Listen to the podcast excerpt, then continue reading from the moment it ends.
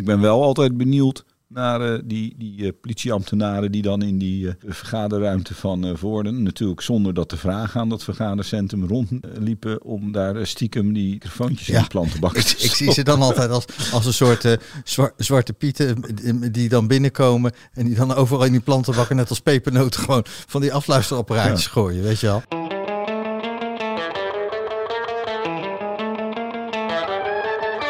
Welkom bij Crime de la Crime, de podcast van strafadvocaten Peter Schouten en Onno de Jong over recht en rechtvaardigheid. Mijn naam is Jardine Hezen, journalist bij het AD en in deze podcast jullie gesprekspartner in crime. Journalisten van de correspondent zijn tijdens een interview met Siewert van Liende over de mondkapjesaffaire afgeluisterd door het Openbaar Ministerie. Volgens mijn informatie eh, is ehm, eerst de telecommunicatie getapt. Eh, en op basis daarvan is geconcludeerd dat dit gesprek eraan zat te komen. Dat wij deze afspraak hadden. Eh, En toen heeft het volgehangen met eh, microfoons dan kennelijk daar. eh, toen, toen is er, eh, denk ik, afluisterapparatuur in, de- in de ruimte gehangen. Ja. Rob Wijnberg, hoofdredacteur van de correspondent en een van de drie journalisten die werd afgeluisterd, liet weten geschokt te zijn. Als journalist eh, eh, ehm, eh, doe je je werk in de veronderstelling dat je vertrouwelijke gesprekken kan voeren. eh, met bronnen, welke bronnen dat dan ook zijn. Eh, en het is ontzettend belangrijk voor een journalist om, als hij eh, eh, de waarheid op tafel wil krijgen, dat dat eh, eh, kan met de garantie dat eh, de persoon waarmee je het eh, spreekt niet ook met de politie spreekt Nee. terwijl, je, terwijl je met een journalist aan tafel zit. In journalistieke kringen is de verontwaardiging groot, maar hoe eh, terecht is dat, heren?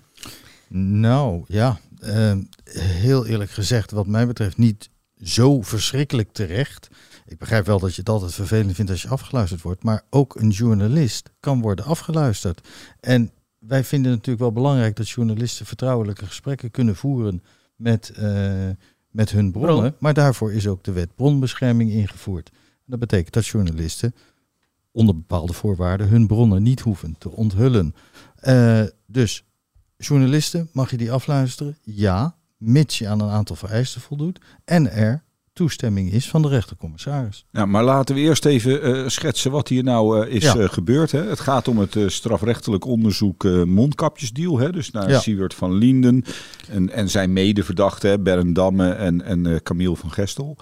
En die hadden dus op de telefoon gesproken met Rob Wijnberg en, en mogelijkerwijs nog twee andere journalisten van de correspondent. Ik weet niet of die ook op dat groepsgesprek zaten. En die telefoon werd kennelijk al afgeluisterd. Ja, waarschijnlijk de telefoon van een van die ja, verdachten. van de Van verdachte. Siewert, ja. En, Ja, dus- en die verdachte, zijn telefoon kan gewoon afgeluisterd worden. En eigenlijk denk ik, of ik weet niet of onze luisteraars wel weten hoe vaak dat gebeurt in Nederland, Onno. Want dat is 120.000 telefoons per dag worden gemiddeld Ja. dus steeds afgeluisterd. Dat is onvoorstelbaar. Ik, ik schrok van dat aantal. Ik wist dat het veel was hier in Nederland, maar zoveel, Peter, dat, Nee. dat En- wist ik niet. En er komt nog een feitje bij. Die mensen bellen natuurlijk, eh, allerlei andere mensen. Ja. Dat zijn er gemiddeld 20 per dag. Dus er worden gewoon in Nederland 2 miljoen telefoongesprekken per dag afgeluisterd. Dus eh, de kans dat jij erbij zit is overigens heel erg klein, Onno. Want Eh, zeker. Jij hebt een geheimhouderstelefoon. En eh, dat betekent dat de computers eh, automatisch, nou ja, afslaan is Ja, waarschijnlijk een dom woord van mij. Maar goed, eh, niet opnemen als jouw telefoon herkend wordt. Ja, daarvoor hebben we nou die, die, nummerherkenning. Maar dat was dus niet zo bij die eh Siewert van Linden. En toen werd natuurlijk opgevangen dat zij met die journalisten spraken. En tijdens dat gesprek zal een, eh, eh, duidelijk zijn geworden dat er een afspraak tussen de heren kwam. In een, een kasteel in het Gelderse dorpje Voorden. Ik heb er nog nooit van gehoord. Ehm, maar dat eh, betekende dat een aantal regisseurs Ja. eh, daar naartoe zijn gegaan. En die hebben daar in die ruimte ehm, microfoons aangebracht. Mag dat? Eh, ja, dat denk ik wel. Ik, ik zou niet precies weten eh, waar ik dat nu op dit moment zou moeten vinden. Maar volgens mij mogen ze elke plaats betreden om eh, dit soort dwangmiddelen voor te bereiden. Ja, nou, klopt. Ik heb het even opgezocht. Mits de toestemming is van die rechtercommissaris natuurlijk. nou, hè? ja, ja, inderdaad. Ja, om Dat, af te eh, luisteren, om het uiteindelijk te doen bedoel ik. Ja, en daar- dat moet aan een aantal voorwaarden voldoen. Ja. Dat staat allemaal in de, eh, de wet. En, en die voorwaarden zijn in de eerste plaats dat er eh, inbreuk moet zijn op een, eh, op een rechtsorde. En in de tweede plaats dat het om een feit moet gaan van vier jaar, eh, waar vier jaar gevangenisstraf op staat. Ja, Behalve- Ja, ja. en dus, eh, en behalve als het in een woning is. Want dan moet het een, een feit zijn met Ja. acht jaar strafbedreiging. Ja. Nou, dus, dus dat kon. En dan moet er daarnaast ook nog eh, sprake zijn van een, een, eh, dat dat bevel, wat die officier van justitie dan vraagt, dat dat dan aan allerlei eh, ja, gegevens bevat, waarop die rechtercommissaris kan oordelen of daar een schriftelijke machtiging wordt afgegeven. Nou is dat volgens mij allemaal nog vrij onduidelijk. Ik heb het laatste contact wat ik even had met eh, iemand van de correspondent Ja. over dit verhaal... is dat, dat die vraag van was er toestemming bij, van de rechtercommissaris... die hangt nog in de lucht. Daar is nog geen uitsluiting over gegeven. Geloof ik. Ja, ik vind dat toch raar hoor. Ik Ja. bedoel, dat is gewoon, zit gewoon in het strafdossier of het zit er niet in. Als, als er eh, eh, toestemming is gegeven door de rechtercommissaris, dan zit die toestemming gewoon in het strafdossier. Is, zit hij er niet in, dan is hij er niet. Dus als jij Daar de advocaat van eh eh, Rob Wijnberg en de andere mensen van de correspondent zou zijn... zou jij dan dat opvragen bij het OM of hoe werkt dat? Nee, want zij zijn geen verdachten, dus zij hebben geen recht op dat strafdossier. Ja, plus er is nog iets. Nou ja, dan is het toch niet gek dat ze het nog niet weten. Want het OM is dus, dus geen verantwoordingsschuldig als ik het zo begrijp. maar ik weet niet in hoeverre er niet gewoon gecommuniceerd wordt tussen bijvoorbeeld de advocaten van die verdachten en de advocaten van die journalisten. Dat lijkt mij voor de hand liggen dat dat wel gebeurt. Nou ja, er zit gewoon een proces verbaal natuurlijk van dat, eh van dat eh, af, afluister-PV in dat eh, strafdossier van die Siewert van eh, eh, Linden. Ja, precies. De advocaat van, De advocaat van de van verdachte. Siebert, die, die weet alles dat weten, ja, natuurlijk. Want dat is meester eh Jahe, geloof Ja. ik, Han Ja. Jahe. Ja. En die heeft volgens mij gezegd, ik zeg er nog niks over. Nee, maar dat bedoel ik. Er is Dat niks is, dus, inhoudelijks. dus dan komen we weer terug dus dat we het nog niet klopt. weten. Maar, maar even nog één dingetje. Hè. Dus het, het e- de enige mogelijkheid dat er geen eh, schriftelijke machtiging was geweest van de RC... is dat als er zeg maar, druk op zat om het snel te doen... mag het in ieder geval zonder die schriftelijke machtiging...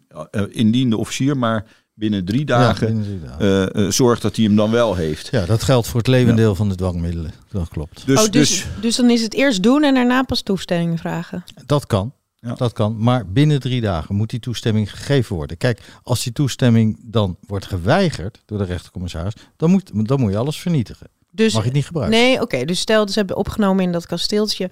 Binnen drie dagen vragen ze toestemming. Krijgen ze niet, dan is al dat materiaal mag de prullenbak in. Ja, dat kan dan de prullenbak in. Ja, want dan heb je iets gedaan wat dus niet achteraf is goedgekeurd door de rechtercommissaris en dus onrechtmatig. is. Onbruikbaar, Ja, ja. onrechtmatig. Ik ben wel altijd benieuwd naar eh, die, die eh, politieambtenaren die dan in die eh, vergaderruimte van eh Voorden, natuurlijk zonder dat te vragen aan dat vergadercentrum rondliepen om daar eh, stiekem die, die microfoontjes in Ja. de plantenbakken te Ik zie ze dan altijd als, als een soort eh, zwa- zwarte pieten eh, die dan binnenkomen en die dan overal in die plantenbakken net als pepernoten gewoon van die afluisterapparaatjes gooien, weet je wel. En je, je hebt ook steeds va- vaker tegenwoordig dat als je wel eens eh, je, je, je eh, laptop ergens meeneemt en je gaat inloggen, dat je dan eh, ziet dat mensen hebben eh, een, een, een soort eh, wifi gemaakt waarop staat eh, ehm, AID, AIVD-microfoon in plantenbak.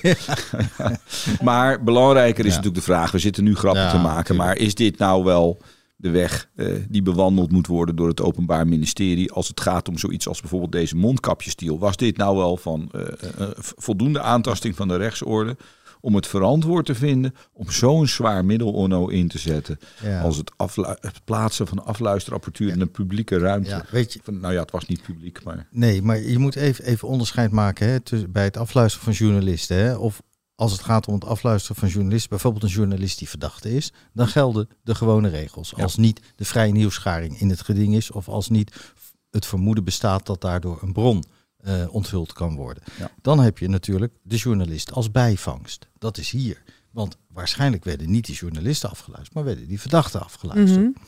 dan nog, wil je het kunnen gebruiken, dan eigenlijk stopt het al daar. Dan, dan kun je al zeggen, als die machtiging van de rechtercommissaris er is, dan is het rechtmatig. Maar stel nou dat je een journalist wil afluisteren, dus per se hè, de journalist afluisteren, dan, dan moet er ook sprake zijn van een extra belang, namelijk de staatsveiligheid moet in het geding zijn of het landsbelang. nou, is Nou, hier is niet. dat, nou ja, weet je, ik heb zitten denken, Peter, maar, maar eh, Is dat Men- hetzelfde, staatsveiligheid en landsbelang? Nee, dat In mijn niet. hoofd eh, Staatsveiligheid zijn dat kan andere natuurlijk dingen, ook. Kijk, niet, ieder, eh, eh, niet iedere situatie levert een staatsveiligheidssituatie Mhm. op, maar het is wel allemaal landsbelang. Staatsveiligheid is ook landsbelang. Maar ik, ik noem ze maar even zo. Ja. Eh, kijk, het was natuurlijk zo dat bij die mondkapjesdeal dat ik dat daar ook sprake van was dat daar politici betrokken bij waren.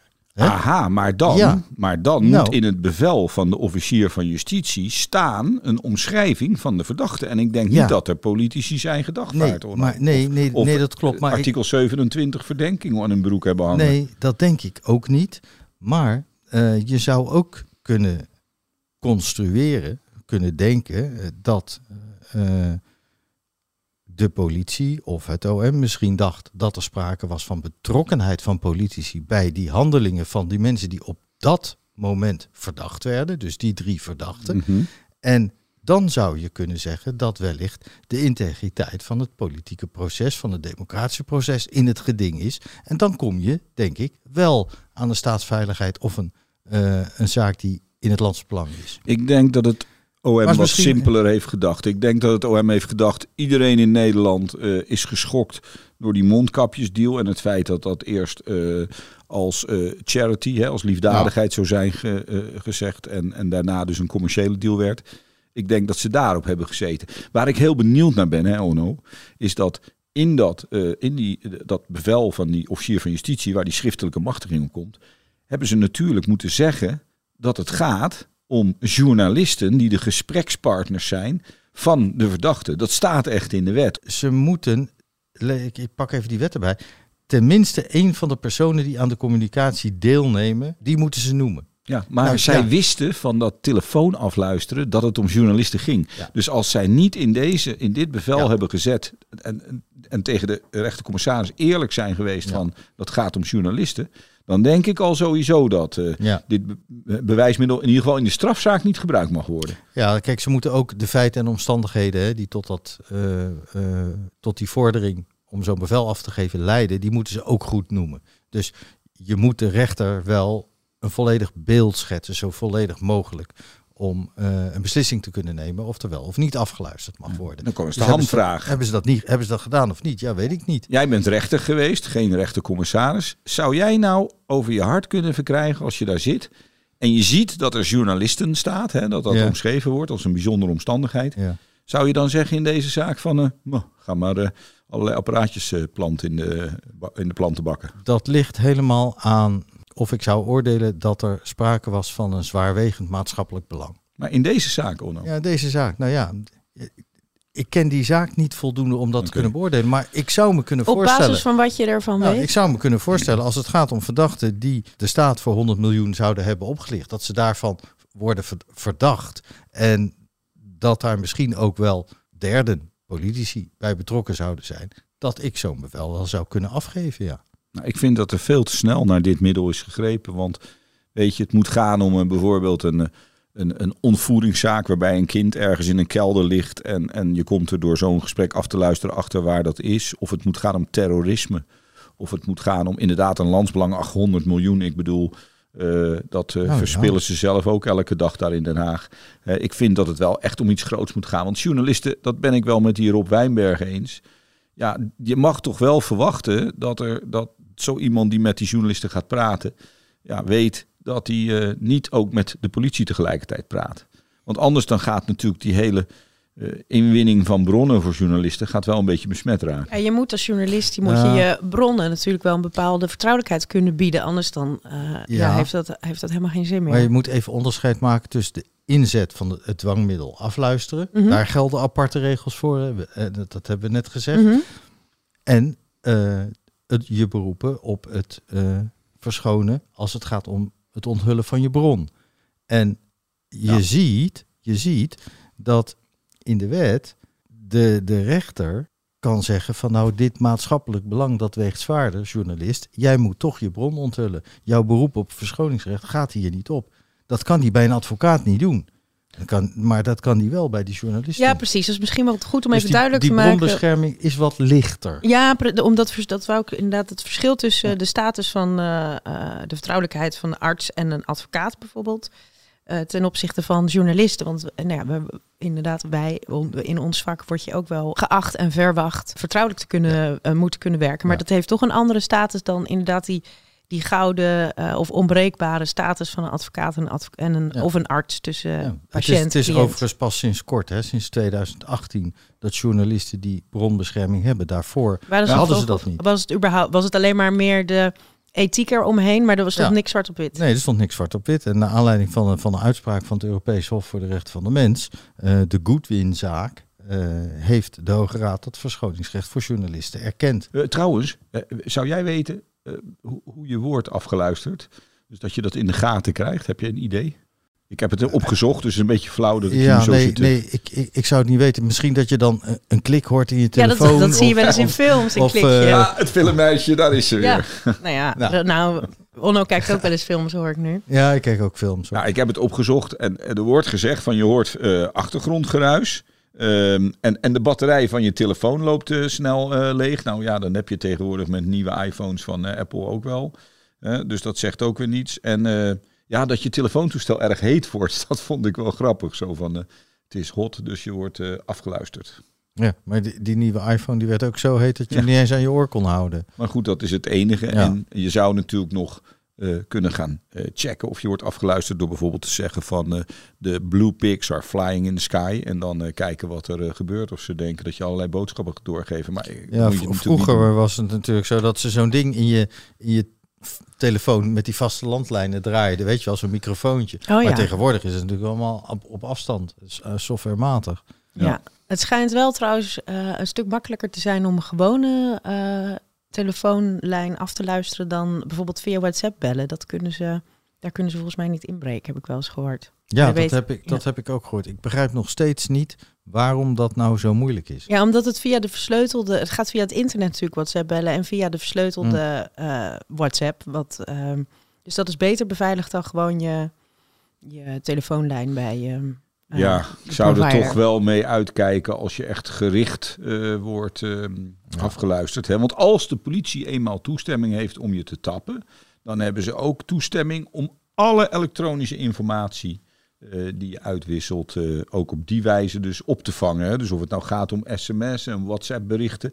Maar dan moeten ze natuurlijk wel eerst in staat zijn om inderdaad zo'n zo'n bevel richting eh, ehm, eh, Facebook te hebben eh, gestuurd. En dan ook eh, daar eh, ja, de mogelijkheid toe krijgen, technisch. Hè? Zo gaat het natuurlijk wel altijd.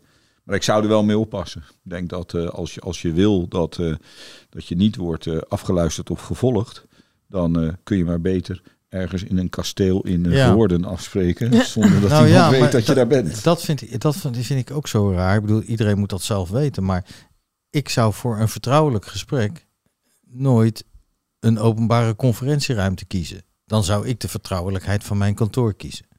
Ja, dan kan je natuurlijk ook worden afgeluisterd, dat weet ik. Dan kunnen ze ook eh, die spullen neerleggen. Maar die kans is toch wel kleiner. De vertrouwelijkheid van het AD-hoofdkantoor van het Algemeen Dagblad. Daar moet je dan natuurlijk als journalist met je bron praten. Nou ja, bijvoorbeeld. Ja, ja, maar goed, Maar- Ik, ik als advocaat. En, en, en jij ook, denk Ja. ik, de vertrouwelijkheid van je eigen kantoor. Oh, jij vindt het een gekke plek dat ze daar hebben afgesproken? Ja, ik, ik, Ja, ik, denk gewoon neutraal terrein. Neem een rustig, prettig zaaltje. Ja, maar dan ook, nog, dan ook nog, mensen zien je daar. Het is Hij- geen anonieme plek. Nee. Nee. Nee. Je had ook nog van die richtmicrofoons. Ik heb wel een aantal Ja. eh, strafzaken gedaan waarbij eh, er een richtmicrofoon werd eh, gebruikt. Bijvoorbeeld toen de verdachten op een Febo-terras kroketten zaten te eten.